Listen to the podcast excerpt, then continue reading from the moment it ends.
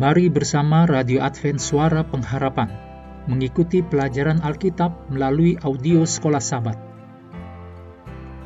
Selanjutnya, kita masuk untuk pelajaran Minggu 26 Februari.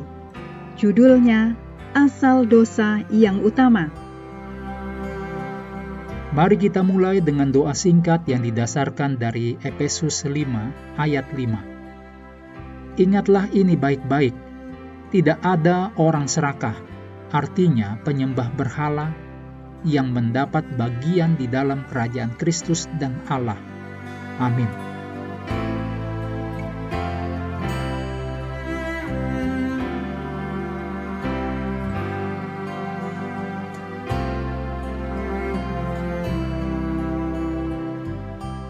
Pertanyaan ini sering muncul dan bisa dimengerti tentang bagaimana dosa muncul dalam alam semesta.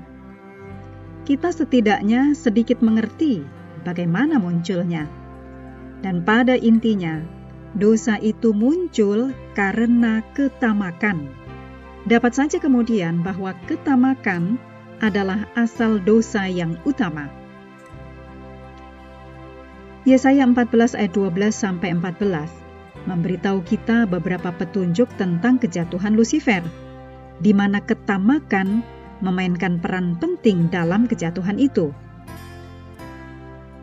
Ellen G. White dalam Alpha dan Omega Jilid 1 halaman 23 menuliskan, Tidak puas dengan kedudukannya, sekalipun dihormati di atas segenap penduduk surga, ia, maksudnya adalah Lucifer, mencoba untuk merebut kehormatan yang hanya layak bagi Khalik saja. Gantinya berusaha agar menjadikan Allah terutama di dalam kasih dan kesetiaan seluruh makhluk ciptaan. Ia, yaitu Lucifer, mencoba untuk mengalihkan pelayanan dan kesetiaan mereka, yaitu penduduk surga, kepada dirinya sendiri. Merasa ingin akan kemuliaan yang Allah Bapa telah tanamkan di dalam anaknya. Pemimpin malaikat ini, yaitu Lucifer, telah bercita-cita untuk memperoleh kuasa yang merupakan hak mutlak Kristus. Dalam Efesus 5 ayat 5 dan Kolose 3 ayat 5, Paulus menyamakan ketamakan atau keserakahan dengan penyembahan berhala. Betapa menariknya, karena dua kali Paulus menyamakan ketamakan dengan penyembahan berhala. Orang-orang melakukan penyembahan berhala ketika mereka beribadah, yaitu mendedikasikan kehidupan mereka kepada sesuatu yang lain daripada Allah, sesuatu yang diciptakan gantinya Sang Pencipta. Demikian ditulis dalam Roma 1 ayat 25. Kemudian, bisa saja ketamakan itu adalah menginginkan sesuatu yang seharusnya tidak kita miliki.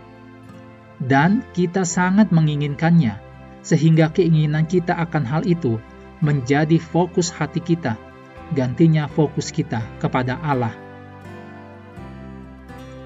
Tidak diragukan, Lucifer pada awalnya tidak mengetahui ke mana keinginannya yang salah sedang menuntunnya.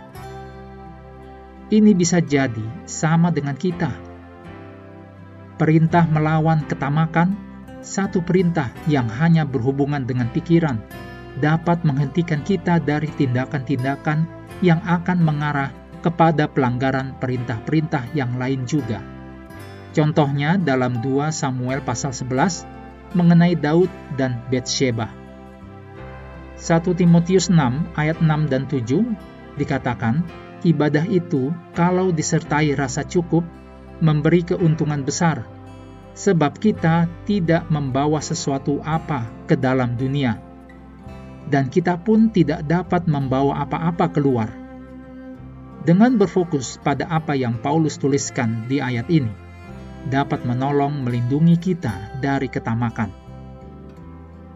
Mengakhiri pelajaran hari ini, mari kembali ke ayat hafalan kita, Lukas 12 ayat 15. Berjaga-jagalah dan waspadalah terhadap segala ketamakan, sebab walaupun seorang berlimpah-limpah hartanya, hidupnya tidaklah tergantung daripada kekayaannya itu. Kami terus mendorong Anda untuk mengambil waktu bersekutu dengan Tuhan setiap hari, baik melalui renungan harian, pelajaran sekolah sahabat, juga bacaan Alkitab sedunia percayalah kepada nabi-nabinya, yang untuk hari ini melanjutkan dari Esra pasal ke-6. Tuhan memberkati kita semua.